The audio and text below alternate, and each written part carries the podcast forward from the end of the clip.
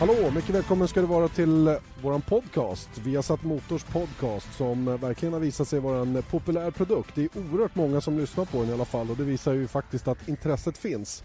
Två stycken experter med mig denna dag. Eje Elg, Formel 1-expert, välkommen. Tack för det. Nico Milovanovic som är dit och då på MotoGP-sidan. Det är roligt att vi båda jobbar den här veckan och dessutom allihopa får gå upp mitt i natten. Ja, eller hur? Jag vet inte hur kul det är i och för sig. Själv är jag lite småkrasslig dessutom. Annars har veckan varit bra eller? Ja, det har det varit. Det börjar bli lite kyligare tyvärr så att eh, på med, med mössa och vantar snart.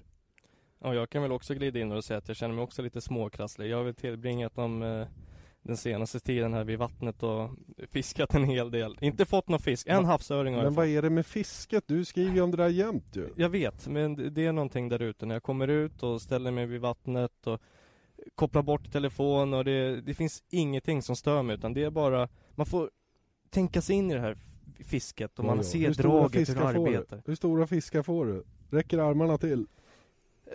Ja, det gör de verkligen. Det är så till och med att handen räcker till. Bra. Ja, som... men du, han får komma hem till mig för då kan han sitta i köket och sticka ut medspöet genom Jag fönstret. tänkte säga det, det är du Så som det- bor vid vattnet, Ja. du fiskar aldrig. Nej, fiskar ska ha, de, de ska ha det bra i vattnet där då. Mhm. Eje försöker sig på lite kräft, kräftfiske och får upp en mört typ. Ja, jag fick tre kräftor i år. Det var tre? Ja, så ja, det var så. Vilken bra. fest ni måste ha haft. Ja, Fantastiskt. jag tror de ligger kvar i kylskåpet. Det var den där kräftskivan som spårade ur totalt. Exakt, vi hade fått varsin där. Det går desto mer snaps. Hur, som helst, podcast är det. Vi har satt Motors alltså och eh, vi har ju en eh, intensiv helg framför oss då med både MotoGP då ifrån Motegi i Japan och Formel 1 ifrån Korea. Eh, intressant som berör båda de här är ju det senaste om Honda. Eh, Slår man upp Autosport nu och lägger alla nyheter bredvid varandra, då står det på MotoGP-sidan att Honda, de är på väg att dra sig ur eller hotar med att dra sig ur. Och på Formel 1-sidan står det att Honda kan tänka sig att komma tillbaka till Formel 1. Va, vad är det här nu då? Ja, jag vet egentligen inte vad det är och det får vi väl vänta lite med innan vi får besked vad, vad som kommer att hända. Vad man vet är ju att de ska in i VTCC också. Men eh, helt klart är ju att Honda behövs både i, på motorcykelsidan och på bilsidan, Formel 1.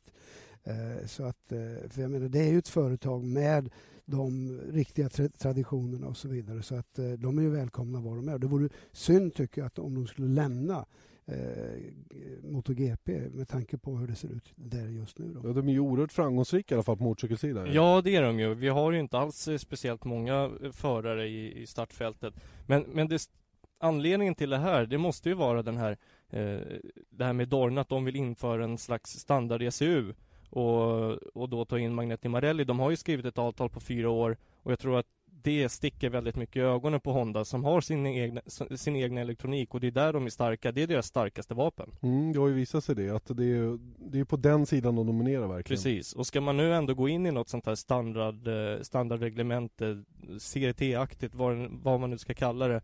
Ja, men eh, då kan man kanske lika gärna dra tillbaka sin eh, fabriks, fabrikssatsning och, och satsa då på Formel 1 eller vad de nu tänkte göra. Jag, jag tycker att det, det hade varit katastrof om man hade dragit sig ur. Mm, Honda som, Det- ja förlåt. Ja, nej, men det är ju så att eh, alla tillverkare måste ju ha, ha något ställe att utveckla sina egna grejer och visa sig på styva linan. Det är därför de lägger så, så stora pengar på det. Så att, eh, det har jag full förståelse för och det vore ju en katastrof tycker jag. de- Hur mycket svider det för Honda tror du att de drog sig ur Formel 1 på det sättet de gjorde och att bilen, som faktiskt var en Honda-bil, gick och vann VM direkt? Ja, det, där, det är klart, för de, de eldsjälarna för motorsporten så sved det naturligtvis. Men får inte glömma bort, det här är ju beslut som tas mycket, mycket högre upp över, över deras huvuden i, i, runt ett skrivbord. Och det var ett, eh, det var ett eh, styrelsebeslut som, eh, som passade in då i förhållande till hur det övriga såg ut runt omkring Honda. Honda och japaner ska vi säga är ju lite känsliga. Det var ju i stort sett bara Honda-tillverkare som, som blev noja förra gången det var lågkonjunktur. Vi är på väg in i en riktig lågkonjunktur nu också. Kan det vara sådana saker som spelar in tror du? Jag, jag kan inte uttala mig om, om, eh, om det, men det enda jag vet är ju och efter som vi sa i förra podcasten, mina er, stora erfarenheter med Japan, eh, så har jag ju på nära håll sett hur de jobbar. Och, och Honda är ju det kanske eh, den japanska tillverkaren som är mest aggressiv när det gäller motorsport. Aggressiv på ett positivt sätt. Va? Och de har alltid profilerat sig via motorsport, både på två hjul och fyra hjul. Så att eh, det handlar väl egentligen bara mer om att, eh, att alla ska dra åt samma håll. Alltså. Mm, tillverkare till i Formel 1, det skadar ju inte. Absolut inte. Nej, men, Absolut det, inte. men det kan ju inte ha någonting med låg, eller lågkonjunkturen att göra om de drar sig ur MotoGP för att sedan satsa på Formel 1. Naturligtvis inte, det, det talar emot varandra Ja. så att säga, va? Men däremot så är de ju väldigt känsliga för, för den typen av svängningar i ekonomin då. Jo, det är de Men jag, det, det har nog mer med att göra att eh, man måste ju ha någonting unikt som, eh, som ett fabrikat. Men det, det går ju inte bara att gå på en motor. Vi, vi har Honda, vi har Yamaha, vi har Ducati och sen har vi de här CRT eh, chassina och med och produktions, allt ja, med, med produktionsmotorer. Mm. Jag menar, försvinner Honda nu, men då försvinner ju alltihopa. Då är det egentligen bara Yamaha och Ducati kvar. Och det är de som tidigare har kört på Magneti Marelli och kör med Magneti Marelli idag. Så att de drabbar ju inte egentligen någonting, utan de eh, som det drabbar mest är ju Honda. Om, Men om, En annan sak som man, man kan ju, om man tittar tillbaks, eh, nu är inte jag någon expert på MotoGP naturligtvis, men, men japanska tillverkare har ju, har ju egentligen varit med och skapat MotoGP och vad det är Ja. då, med, med den support de har. Va? Och då är det ju eländigt tycker jag, alltså, om de ska försvinna. Och, eh, inget ont sagt om, om Ducati naturligtvis, men eh, ja, ja, det, det känns inte som det finns riktigt samma substans att, att eh, bli en så stark spelare i MotoGP som till exempel Honda har varit. Men jag menar, vi, hade, vi har ju haft eh, perioder där vi har haft både Yamaha, Honda, Suzuki, eh, Kawasaki och allt vad de nu heter. Alltså. Så det, Men själen får ju inte försvinna nej. i grund och Jag- botten. om får inte försvinna. Och, och där, jag- tycker väl att, att Honda är lite av själen i MotoGP idag. Absolut. Alltså. Återstår att se vad som kommer att hända i den frågan. Vi lär inte kunna bestämma hur de ska göra i alla fall idag. Men det är lite intressant att, att båda de här rubrikerna åker upp ungefär samtidigt. Det var ju lite det som startade den här diskussionen nu. Att de, att de kan tänka sig en comeback i Formel 1 samtidigt som de kan eller de hotar med att dra sig ur MotoGP. Eh, när det gäller Formel 1 då så är vi ju eh, framme vid eh, fem tävlingar kvar. Vi är eh, framme vid Koreas Grand Prix. Vi, vi lämnar fantastiska Suzuka för att nu köra ett gäng Herman Tilke-banor som vi har framför oss här.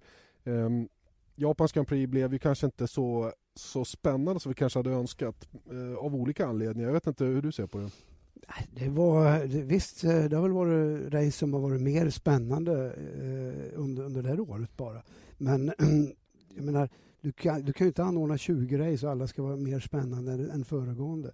Eh, jag tycker ändå att det var ett bra race. Suzuka är ju en sån bana där det blir bra, bra race. Alltså. Och, eh, Ehm, sen spetsades det ju till lite grann i VM-toppen där och eh, jag, jag tycker ändå att det var ett, ett bra race. Mm. Det var lite surr efteråt angående Kimi Räikkönen, Fernando Alonso. Alonso som, som drog det kortaste strået där då åkte på punktering och fick bryta och miste ju då alla poängen i den tävlingen. Och det där det var, det var ett hårt slag mot Ferrari, det, det märktes. Ja, visst var det det. Och eh, naturligtvis är det väl lite upphetsade känslor direkt efteråt. Alonso har, eh, jag, vet, jag vet inte exakt vad han sa, va? men, men eh, han hade ju ingen att skylla på utan det var ju hans eget fel. Alltså, eh, du, eh, du kan inte skrämma ut Kimmy på gräsmattan. Det är så, och det vet han också. va. Men det, det blev lite trångt och, och det är ju sånt som händer i, i motorsport och eh, han blev drabbad. Alltså. När alla bestämt sig för att ge full gas ner mot första kurvan då är det ju inte att man bara släpper av som en del tycker att Kimi borde ha gjort. Han skulle inte ha stuckit in näsan, det är en del som har hävdat. Nej, men det är ju inte... Jag menar, det, det är alltid lätt att, att säga. Det, när du har 20 bilar som, som alla slåss om en linje genom första kurvan då, och i praktiken ingen tid på det. Det, det är ju instinktivt alla beslut du tar. Och eh, ibland blir det fel, så det, det var liksom ingenting att... Eh, jag tycker inte det var något grovt misstag av hans, från hans sida eller något sånt där. Från någon det var egentligen. en, en, en omständighet helt enkelt. Och då leder det oss in lite osökt på en viss fransman då, vid Romain Grosjean som eh, naturligtvis eh, inte med flit eller vilja eller någonting sånt eh, ställer till det för sig själv och för Mark Webber den här gången då. Eh, och där har vi en kille då som, som inte riktigt har de här instinkterna på rätt ställe verkar det som. Nej, men, men i det här fallet tycker jag lite synd om honom när man ser hans förklaring efteråt. För att det visar ju att han, han var där och försökte verkligen hålla sig undan. Men å andra sidan så gör det nästan problemet ännu större. För att eh, jag menar, det krävs av en Formel 1-förare att även om du fokuserar på den som är utanför och ser till att du inte kraschar in i den så måste du ju ha förmågan att, eh, att se vad som händer runt omkring det och det har han inte. Det här har varit hans eh, eh stil och hans sätt att, att köra ända från eh, Formel 3-tiden. Det var det likadant. Så att eh, det är ett uppenbar, uppenbart problem och, och eh, jag vet inte riktigt om, om det går att eh, plocka ur det här ur honom utan att han ska bli helt värdelös. Alltså. Omdömet First Lap Nutcase som kom från Mark Webber, vad säger du nu? Ja, det tycker jag inte var överdrivet på något sätt. Alltså, utan det är bara att konstatera. Åtta tillfällen i år. Och, eh, men, men, men jag repeterar, vi har ju sett det här i flera år, vad han än hållit på med. Så att, eh, vi har olika... Jämför han eh, och sen har vi då Maldonado som är lite, lite annorlunda men också är tveksam i vissa situationer. Jämför dem med Kimi Räikkönen. Mm. Kimi Räikkönen, det kvittar vad, vilken situation han hamnar i. Subtle results, still you, but with fewer lines. Botox Cosmetic, botulinum toxin A, is a prescription medicine used to temporarily make moderate to severe frown lines, crow's feet, and forehead lines look better in adults. Effects of Botox Cosmetic may spread hours to weeks after injection, causing serious symptoms. Alert your doctor right away as difficulties swallowing, speaking, breathing, eye problems, or muscle weakness may be a sign of a life threatening condition. Patients with these conditions before injection are at highest risk. Don't receive Botox Cosmetic if you have a skin infection. Side effects may include allergic reactions, injection site pain, headache, eyebrow and eyelid drooping, and eyelid swelling. Allergic reactions can include rash, welts, asthma symptoms, and dizziness. Tell your doctor about medical history, muscle or nerve conditions including ALS or Lou Gehrig's disease, myasthenia gravis, or Lambert-Eaton syndrome and medications, including botulinum toxins, as these may increase the risk of serious side effects. For full safety information, visit BotoxCosmetic.com or call 877-351-0300. See for yourself at BotoxCosmetic.com. Så på något sätt så tar han sig ur det utan att slå av djur då och ställa till det för alla andra. Så att, eh, Förutom nu senast då menar jag. Vad gjorde han senast då? Ja, han touchade väl Fernando Alonso så vitt jag kommer ihåg. Nej, men det var ju bara att han inte flyttade på sig. Men, men vad, vad, jag, vad jag men, och det skulle han ju inte. Men vad jag, men, vad jag menar är att men han blev ju inte lidande av det. Okej, okay, han slog av en liten del på, på vingen. Men titta så fint som han... han eh, när, vem var det som tog honom då på innen in i första andra kurvan? Var det Webber kanske? Var någon som, eh, jag tror det var Hamilton som Hamilton, dök, Hamilton, Hamilton var som dök på innen. Och eh, där han redan hade committat alltså till linjen, var färdigbromsad och börjat svängt in. Och, och eh, vilket gör att det, det, är en omöjlighet egentligen att ändra riktning. Men på något sätt så gör han det. Okej, okay, han tappar lite, lite tid och en placering. Va? Men han har en otrolig förmåga att eh, se vad som är på väg att hända och det har inte Grosjean. Eh, vad ska man göra med Grosjean nu då? Eh, en, ja, nu fick han en bestraffning i racet, en gammal hedlig stop and go, en 10 sekunders ja, stop and go. Jag, jag, kan inte svara på det för att jag, jag har ju själv tävlat mycket med bilar och jag har, jag har ju kanske varit åt andra hållet. Eh, att jag, jag har alltid lite mer Kimi Räikkönen då. Att jag, jag, såg alltid när saker och ting var på väg att inträffa. Nackdelen med det i mitt fall, det var att jag kanske inte var tillräckligt snabb. Va? Men, men det är ju åt andra hållet med Grosjean. Han är ju snabb som en blixt. Han kvalar fyra där på Suzuka. Mm. Och, eh, men, men det där är ett problem. Så jag har ingen aning om vad det är som eh, eh, vad det är som slår slint eh, hos honom. Alltså. Men det är ju ett uppenbart bekymmer. Där. Vem ska göra vad nu då? Ska, ska teamet ta tag i honom nu? Och kan ja, man ta ofta, tag i honom? Ofta är det ju självsanering på sådana här saker. Skulle det inträffa ytterligare en gång nu under året då är det ju kört för honom. Då får han ingen körning. Det bara är så. Mm. Och, och det, det, det, är ju självsanerande. Titta vad som hände förra gången när han var hos Renault. Då fick han sparken och det kommer han få här också. Det där är ju någonting som jag också märkt bara på att titta på Formel 1 i år där med Grosjean att han Det är väldigt mycket siktet inställt rakt fram. Det är bara det som gäller för hans del. Men det känns lite grann kanske som att han måste mogna själv som en förare och, och förstå innebörden kring ja, det hela. Han, du vet Nico, han, har redan få, han hade chansen Eh, för ett antal år sedan. Eh, ett, ett riktigt bra break eh, när han fick överta en, en körning. Och samma sak då. Alltså, och han, blev, han fick kicken. Oh, kan inte få kicken på, på mer bestämt sätt än man fick. Och sen har han mobiliserat, eller kommit tillbaka och mobiliserat eh, sig på, på, och lyckats få fått en plats och ändå har han inte lärt sig. Nu blev han avstängd efter Belgiens Grand Prix och då trodde man ju i alla fall att eh, saker och ting, att polletten skulle ha trillat ner, men icke. Alltså. Men, men samtidigt som jag säger, jag tycker lite synd om honom. För att jag, jag tycker det är, en, det är en underbar ung pojke och han är ju jättesnabb. Alltså, riktigt, riktigt duktig. Mm eh, förare. Va? Men, men det här är ett problem som han brottas med och på något sätt måste de göra någonting åt det där. Han är ju snabb så tillvida att han har ju ett par pallplatser i år och jag menar bara han kommer igenom det första varvet eller de första varven så, så, så brukar det ordna till så han gör väldigt bra race. Ja, visst gör han det. Och, eh, men eh, han är illa ute nu, helt klart. Alltså, för, visserligen så teamet står bakom honom någorlunda än så länge. Va? Men alla poäng han har slängt bort mm. för, i konstruktörs-VM. Han har kostat Lotus massor inte, med inte poäng. Billigt, alltså. Ja, ja, det blir intressant att följa fortsättningen för Romain Grosjean förstås då. Eh, om vi ser till det här med förare som blir kvar eller inte kvar så, så verkar det nu mer och mer peka mot att Felipe Massa kanske i kraft av pallplatsen senast ändå behåller sin plats hos Ferrari ytterligare en säsong då. Um, och um, det känns väl, det känns som det har hängt i luften ett tag ändå. De har, de har haft svårt att hitta alternativ som vill köra under de förutsättningar som ges tror jag. Samtidigt som det står ett gäng killar på kö. Men frågan är om de är bättre, gör ett bättre jobb än vad Massa gör. Det är väl frågan för och precis som du säger, jag tror inte det är avhängt av den här pallplatsen i, i Suzuka om man ska köra vidare eller inte. Ehm, men eh, naturligtvis så understryker det ändå till viss del hans, hans kapacitet. För mig så är det mer, mer uppenbart att, att, eh, att hans möjlighet att stanna kvar eh, är stor när, för ett par veckor sedan, när Alonso går ut officiellt och säger som han gör att eh, att det finns ingen bättre. Eller det är inte lätt att hitta någon som är bättre i att, att fylla hans position. Och, och jag tror att Alonsos Eh, position hos Ferrari är så pass stark så att eh, oavsett vad Ferrari själva säger eh, så att han han drar lite i de trådarna som, mm. som krävs där. Och det här gör ju då att Nico Hülkenberg då, som var den, den troliga föraren då att ersätta Massa nu istället har länkats ihop med Sauber och den som då skulle ta över efter Hülkenberg då skulle bli Jaime Algusari Eh, det är ju naturligtvis en hypotes än så länge, eller bara spekulationer. Det finns ingenting som är klart i det avseendet. Eh, och det, det leder oss in lite grann på japanen Kamui Kobayashi då, eh, som eh, som naturligtvis gjorde ett kanonrace senast, fick kliva upp på pallen. Tredje japanen i historien som fixade och dessutom mitt hemma Grand Prix. Men man har också sagt ifrån teamets sida att det här har väldigt lite bäring på om man blir kvar eller inte.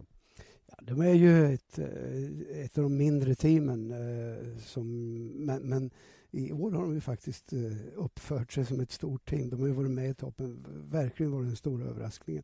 Men eh, ett litet team och det betyder ju att man brottas ju med eh, resursfrågor. Det gäller att ha ekonomi på det för att kunna hänga kvar där man gör nu. Och därför så är det ju inte bara ett sportsligt beslut utan även kommersiellt från deras sida.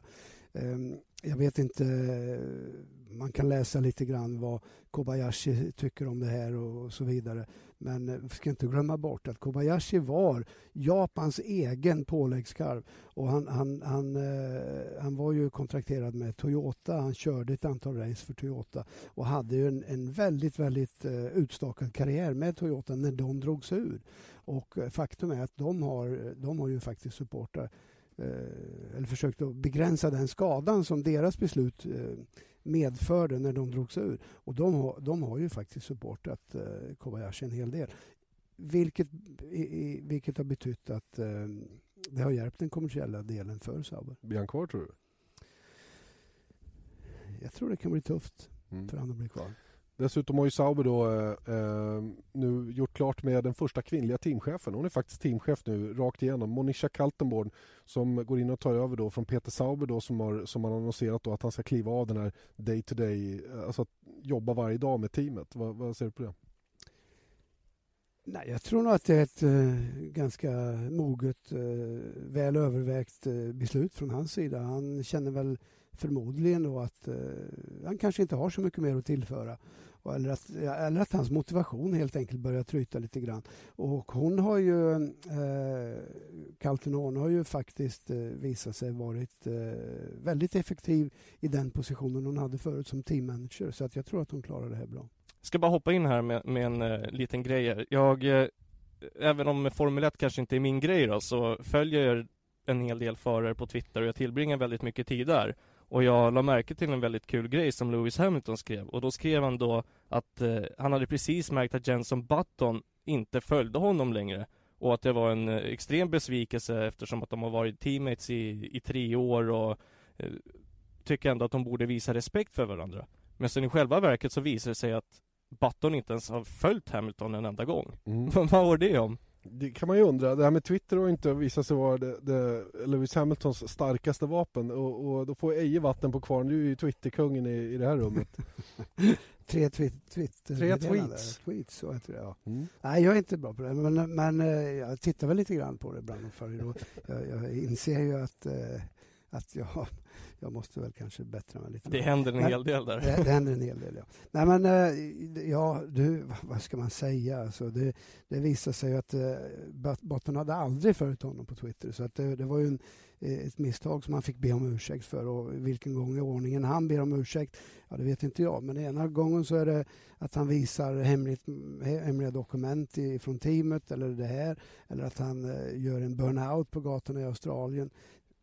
Det är ju, han har ju en otrolig förmåga att uttrycka sig eh, om konstiga saker. Lite fel- omdömeslös, var jag inte fel, fel tillfälle. Ja, men jag tror han är lite slarvig och lite naiv och sådär. Ja men det är väl samma sak det känner jag. ja, Okej. Men, men Hamilton lämnar ju nu eh, McLaren för Mercedes. Och det är ju han som lämnar och ja, lämnar kvar alltihopa där och går vidare. Varför ska han in och... Fast grejen är ju inte det. Grejen är ju att han, han är klantig. Lewis Hamilton är klantig. Ja, det var så det hette. Ja men han har ju ingen jag var koll lite på försiktig och kallade honom naiv. herregud. Skriva sådana där grejer. Han har, han- har, vad har han? Två miljoner followers på Twitter. Det är två miljoner människor och han skriver en sån grej. Jag trodde att vi hade respekt för varandra. När han trodde att Jensen hade slutat att följa honom på Twitter. Och måste liksom delge hela världen det. Och sen får han skriva My bad. Just found out that Jensen never followed me. Don't blame him.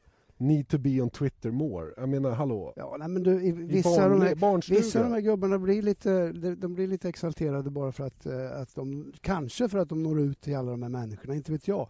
Men titta på Schumacher när han ska eh, lägga av. Jag menar, han, han skriver en, en bibel om eh, allt och, och inget, alltså bara krånglar till saker. Tacka vet jag Kimi Räikkönen, när han fick frågan om, han fick frågan om, om han, vad han siktar på i år, och så sa han vinna VM. Ja, men andra eller tredje plats? Nej, det vill jag inte ha, sa han, för då måste jag åka på prisutdelning efter året. Så Du det, vet det, att- Jag menar, det här är det raka besked, det är inget krångel. Efter det här så kommer du att bli ännu mer beskylld för att vara ett Kimi Räikkönen-fan enbart. Nej, ja, men jag var ju Vettel-fan efter senaste racet. Ja, du har säkert hållit på Alonso Ja. någon gång också. Ja, jo. Jag håller på den som vinner. Jag Ja, vet ja. Want flexibility? Take yoga. Want flexibility with your health insurance? Check out United Healthcare Insurance Plans. Underwritten by Golden Rule Insurance Company, they offer flexible, budget friendly medical, dental, and vision coverage that may be right for you. More at uh1.com. Det är väl allra enklast att vända kappan efter vinden. Det brukar vara som smidigast. Nåväl, vi har, eh, vi har Koreas Grand Prix framför oss. Då. Korea som eh, en lite speciell bana. Det, de har förlängt DRS-zonen här. De kortade ner DRS-zonen senast. Det här var ett av de race där det var eh, minst antal omkörningar förra. Jag tror det var 29 stycken bara. 29 stycken, ja. Och de här 80 metrarna som man eh, la till, nej förlåt, eh, som man lägger drog, till nu, drog ifrån i Suzuka. De kommer tillbaka här, exakt 80 meter.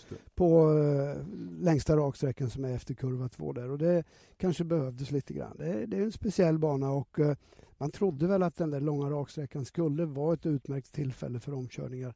Ehm, det blev inte riktigt så bra som man hade trott. Intressant bana, det finns i och för sig några med tanke på att det är en Herman Tilke-bana så var jag lite förvånad över vissa eh, små saker som jag inte gillar med banan när vi, var, när vi kom dit första gången. Eh, jag tänker på depåutfarten, jag tänker på sista kurvan innan start och mål och så vidare. Men annars är det ju en, eh, det är helt klart en teknisk eh, svår bana och eh, eh kommer att vara utslagsgivande. Mm. Och eh, själva racet då som, som vi har framför oss nu då, det är ju eh, det är ju som sagt inte så många poäng som skiljer mellan Vettel och Alonso nu och, och Ferrari har ju verkligen kniven på strupen nu då, att verkligen lyfta sig i håret lite grann och komma med uppdateringar. Nu läste jag idag att, att eh, Alonso sa att att de inte har några jättestora uppdateringar just hit. Men det verkar vara ett större uppdateringspaket på gång till Indien. Ja. Jag tror inte att det är uppdateringarna nödvändigtvis eh, som, som, skulle garantera att, eh, att det skulle, gå, eh, skulle se bättre ut för Ferrari. Självklart, så uppdateringar eh, behövs under utslaget över en säsong. Men av tio uppdateringar så kanske det är fem som funkar. Det får vi inte glömma bort. Även om det funkar hemma i vindtunneln och olika simulatorprogram och så vidare. Eh, det, det, kan vara helt enkelt på det sättet att eh, banan här i Korea kanske passar Ferrari mycket bättre än vad Suzuka gjorde. Och eh, det kan vara ombytta roller. Men å andra sidan så känns det på något sätt som att eh, Red Bull har definitivt tagit ett ste steg framåt och hittat eh, en, en, bättre balans i bilen och en bättre toppfart bland annat. Eh, självklart så har väl deras uppdateringar en del betydelse. Jag tänker på den här dubbla DRS-funktionen eh, som eh, naturligtvis eh, bidrar till det, även om jag inte tror att det är den, den avgörande faktorn. Utan, faktorn, utan de, har, de har hittat rätt i den här formulan mellan balans och, och, och de, hur däcken funkar och så vidare. och Så vidare. Så att, eh, jag tror att de blir farliga. Och en Sebastian Vettel i det läget han är nu, den eh, ska man inte bara avpolitera. Alltså. Han blev ju också den första att uh, vinna två race i rad. Mm. Eh, det blev han. Och, eh, men jag menar, visst, McLaren då som, har, som hade varit på pool fyra gånger och eh, vunnit tre race tror jag, i rad. De har ju också kunnat varit det. Så, så att, nu gick det ju emot McLaren på Suzuka trots allt och även om det blev en andra plats för Button.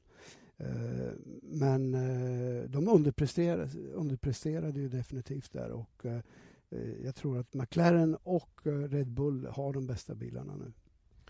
Och det är eh, tufft för Ferrari Apropå uppdateringen nu så kommer Lotus med, med Coanda avgassystemet nu då, till slut och de steker sin, sin dubbla DRS eh, på obestämd framtid och det känns ju som att de, de tittar på 2013 med den grejen att de får inte det att funka och de behöver testa off-season med det här mer för, för då får de ändå möjlighet att köra med det. Ska jag använda de där orden som jag inte får använda hemma? Ja. Vad var det jag sa? Ja. Eh, säg så här, att det, det, säkerligen fungerar det jättebra. Men, men eh, man hör redan på eh, den ursprungliga förklaringen när, när, man lärde sig vad, vad det här var att det här kommer att bli mycket, mycket komplicerat och, och eh, tveksamt med nuvarande reglement om de har möjlighet att sortera ut det här. Eh, det har de inte haft och eh, med facit i hand, om vi tittar i backspegeln nu, så kanske man skulle ha sagt att de skulle aldrig ha börjat med det där. De, de skulle ha fokuserat mer på eh, mer konventionella uppdateringar som de andra teamen har gjort. Då kanske det har sett lite bättre ut för Kimi och Romain Grosjean än vad det gör nu. Mm. För att jag, jag, tror inte att Kimi kommer att kunna vara med och slåss om VM. Eh, tyvärr. Va? Jag tror det kommer att stå mellan Alonso och eh, Vettel. Mm. Återstår att se vad som händer. Eh, vi nämnde det, vi är på en Herman Tilke-bana. Vi har, eh, jag tror alla banorna nu på slutet utom Brasilien är en Tilke-bana. Och Nico, det, Tilke-banorna är inte fullt så frekventa i MotoGP. Där är det egentligen bara Sepang eh, tror jag, som man kör på som är en Tilke-bana i det avseendet. Och, och motorcyklarna vill ju inte riktigt ha eh, den typen av banor med de här långa raksträckorna och en hårnål. Det, det, är lite andra saker. Och när man kör i Barcelona till exempel så använder man inte heller den ordinarie hårnålen på baksidan som, som eh, F1-bilarna kör med utan då tar man lite rundare sväng. Hur ser du på det där? Nej men det är ju för att eh, man vill ju att de tar bort de här, de har en hel del snabba kurvor och eh, lägger dit ett par chikaner eller någon extra hårnål. Men det är för att vi ska få bort, eller ta ner lite grann av den här extrema toppfarten som, eh, som vi kan få i MotoGP. Men eh, alltså, Tilkes banor tycker jag är helt fantastiska och det som du säger, vi har egentligen bara Sepang tror jag som eh, som är en Tilkebana som vi kör på och som vi har kvar här. Men eh, ja, hur ser jag på det hela? Ja, men... jag, jag, jag, vet inte, jag, jag, tycker det, jag tycker det är okej att vi inte har så många hårnålar, även om det kan ställa till med en hel del dramatik och få upp spänningen lite grann. Finns det någon bana du skulle vilja se MotoGP köra på som är en Herman Tilke-bana? De körde ju Istanbul till, tidigare ja, till exempel. Ja, och det, det, den banan saknar jag. Den kör vi inte på längre och den saknar jag verkligen. Mm. Bra ehm, bana även för Formel 1. För allting skulle jag vilja säga. Verkligen. Och ehm, ja, det, det, det, är ju, det är ju skam egentligen att den inte är med på kalendern. Jag, jag kan ju förstå varför den inte är det. Men det, det, det är ju en... det finns ju banor som jag tycker är ren katastrof som vi ändå kör MotoGP på. Om vi tar Indianapolis. Alltså jag, jag tycker inte ens att det är en bana för för GP-racing eller för motorcykelåkning överhuvudtaget. Jag tror du får medhåll där, är det inte så? Ja, absolut. Alltså, det är ju som en pannkaka. Alltså. Ja, men det är Så det, nej, det är värdelöst. Men, men Ja, en annan, Tilke, förmodligen rättfärdigat fått väldigt, väldigt mycket positiv eh, respons på sitt sätt att bygga banor och, och jag försöker absolut inte ta någonting ifrån honom. Eh, jag är inte övertygad om att, att han är något geni att bygga banor. Eh, utan säkerligen skulle det vara, skulle vem som helst kunna göra det. Glöm inte bort att när, när han har byggt banor, ja då var det budget på mellan en och två miljarder ungefär. Det är lätt att bygga en bana. Då skulle vi kunna till och med modernisera Gällråsen där med Karlskoga och få lite För, ordning för två det. miljarder? Ja. Så att jag menar, han, han har ju, det, det är ju på de här ställena där, där eh, det är i praktiken uppe på statlig nivå med Mm. ett beslut. Och, och det finns eh, stora resurser. Och det är klart att det blir bra banor, självklart. Och framför allt rent säkerhetsmässigt så blir det bra. Och det är lite grann det jag, när jag pratar om Koreabanan här, eh, så tycker jag att eh, där har han missat lite grann med depåutfarten och sista svängen och så vidare.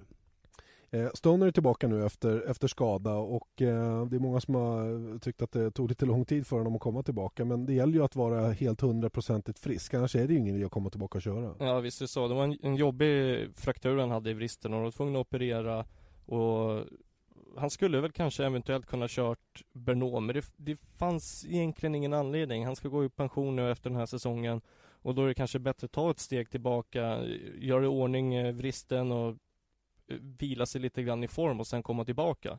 Men eh, jag tycker att det är lite, lite konstigt att han kommer tillbaka till just Motegi och inte satsar på eh, på att göra comeback på hemmaplan på Phillip Island som alla egentligen trott och det är deras spekulerat sig kring.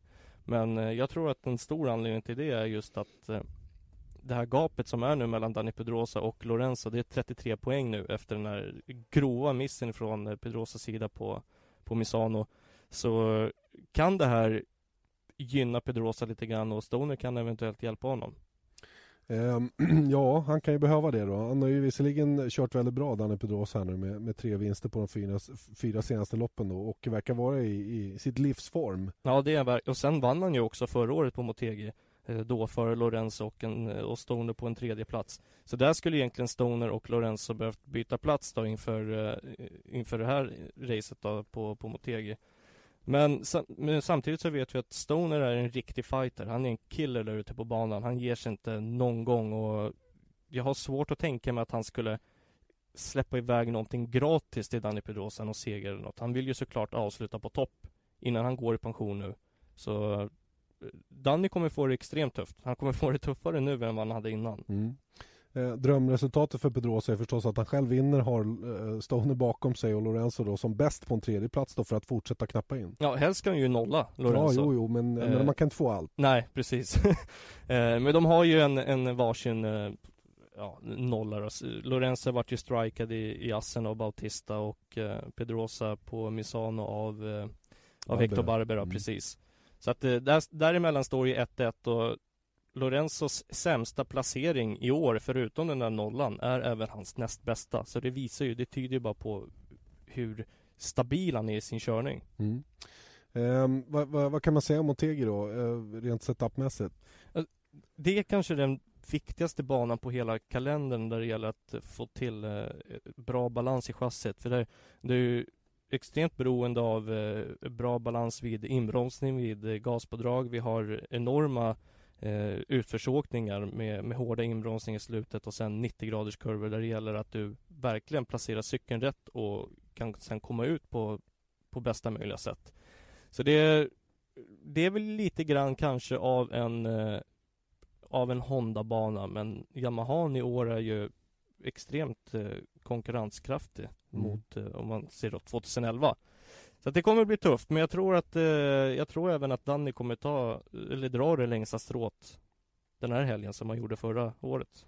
Eh, Ett minnesvärt race som jag kommer ihåg ifrån Motegi det är ju eh, sista året eh, Rossi körde Yamaha. Han kom ju tillbaka till Yamaha. Men, men då när han körde och eh, Pedrosa eller eh, Lorenzo skulle vinna titeln.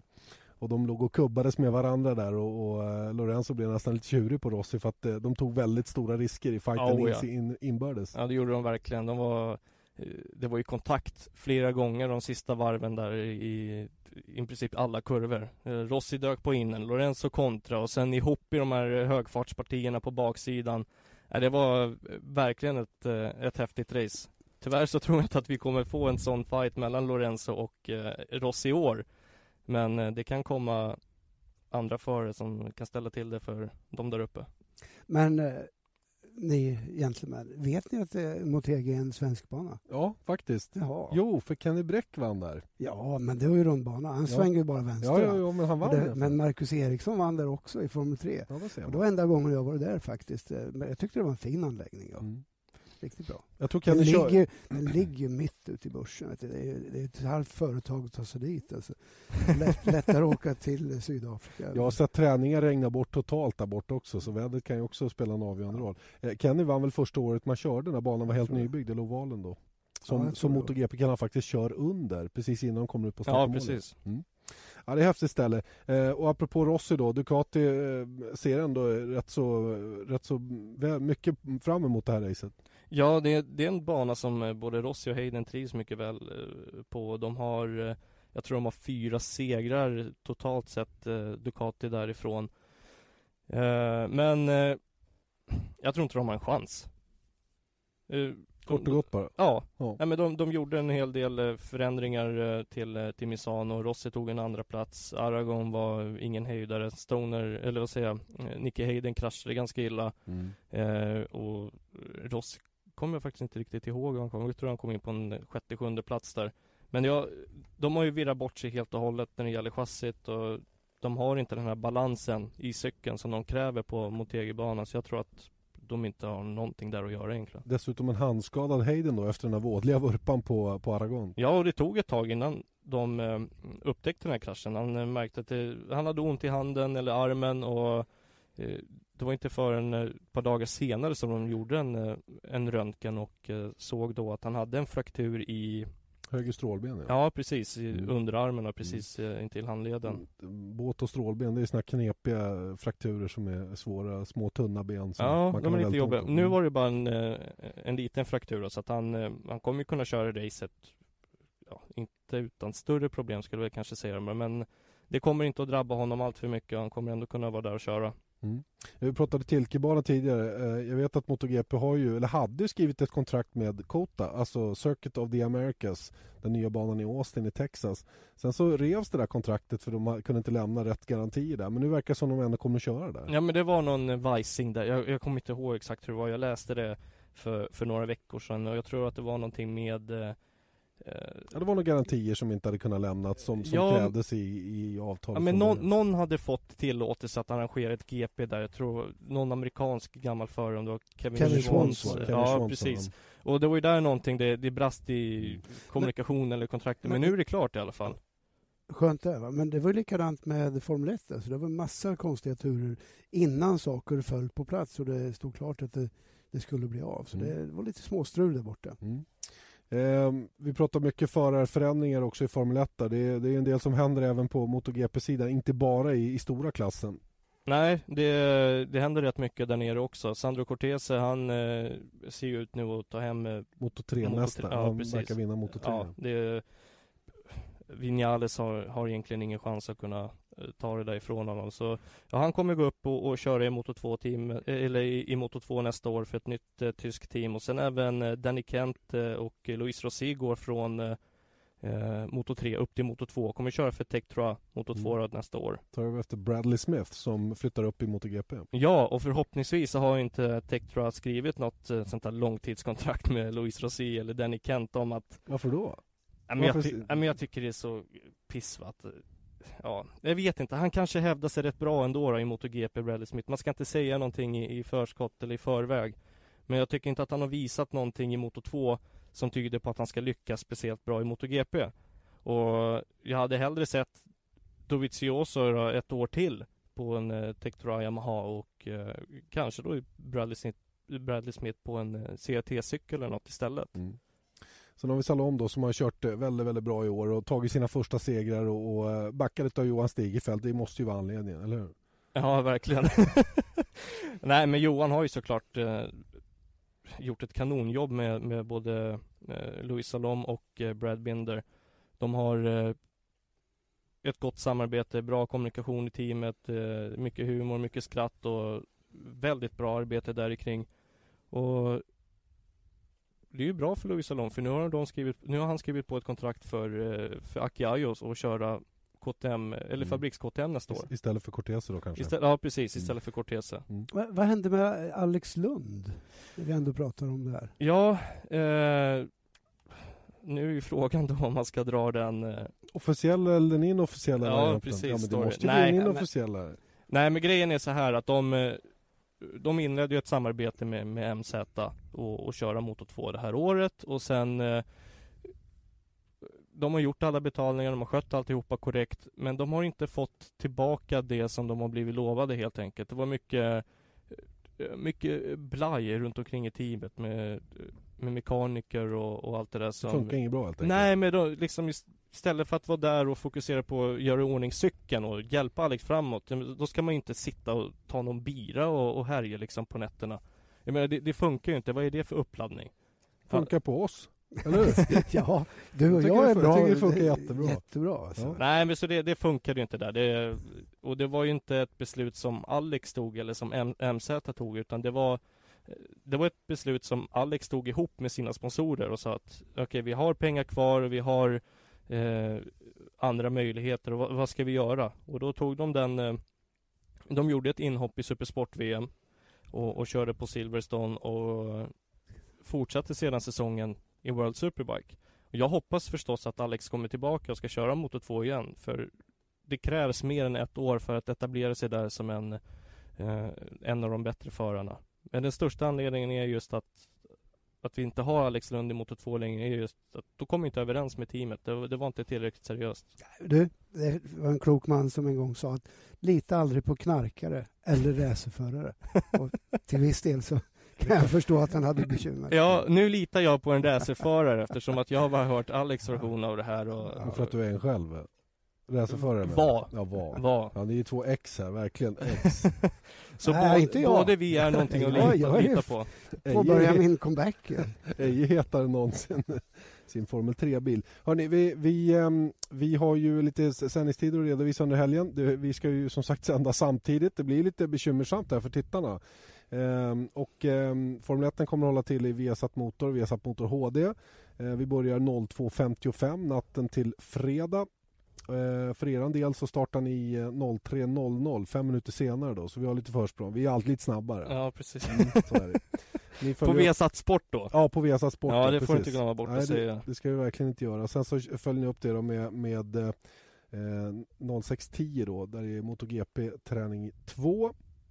Och sen är det 7.00 då och 8.05 som gäller vidare då på fredag morgon. Sen natten mot lördag, då startar ni 03.00 igen och då är vi faktiskt 55, 55 minuter senare för då drar vi igång 03.55 med träning 3 Formel 1. Eh, och eh, sen har vi kval i Formel 1 som eh, drar igång 06.55. Det är alltså exakt samma tider från Korea som vi hade från Japan senast. Om någon kommer ihåg dem då. 06.55 alltså kvalet till Koreas Grand Prix. Och sen så har vi eh, racet då där det startar 07.30. Eh, uppsnacket då inför Koreas Grand Prix. Vi ska också nämna att de kör ehm, eh, Nascar natten mot söndag 01.00 från Charlotte Motor Speedway. 01.00 alltså natten mot söndag. Eh, Alla tv-tider ska vi säga hittar ni på Viasat Sport. Viasat.se sport. Så är det. Viasat.se snedstreck sport. Där finns alla sändningstider som gäller för helgen. Eh, racen på söndag morgon i alla fall för er del startar ju redan fem minuter över fem med eh, eh, Moto 2-klassen. Och sen så kommer alla klasserna därefter då. Vem är det som har koll på kaffemaskinen här? Men det är du. Det är jag. Det är du. Då vet vi det. All, all matsäck, det är Tobias Lion, kaffe två, du. Och vi bara njuter av att bli serverade. Vad har du är kallat det. det Tobbe? Ja, men han är ju, han är ju fjällräven. Ja just det, fjällräven, Ja. Tobbe. Alltid någon matsäck och någon banan eller något. Ja ja, men, men det är bra, men det, är- det är viktigt frukt. sånt där. Ja, ja absolut. Äta måste man göra, annars går det inte. Hörrni, ni har hört eh, Viasat Motors podcast. Hoppas ni har haft lika kul som vi har haft det. Och eh, vi ser ju självklart fram emot en fantastisk motorsporthelg på Viasat Sport när det gäller MotoGP och Viasat Motor, Viasat Motor HD när det gäller Formel 1. Tack så, tack så länge säger vi nu då. Janne Blomqvist, Eje Elg och Niko Milovanovic. Tack, tack. tack.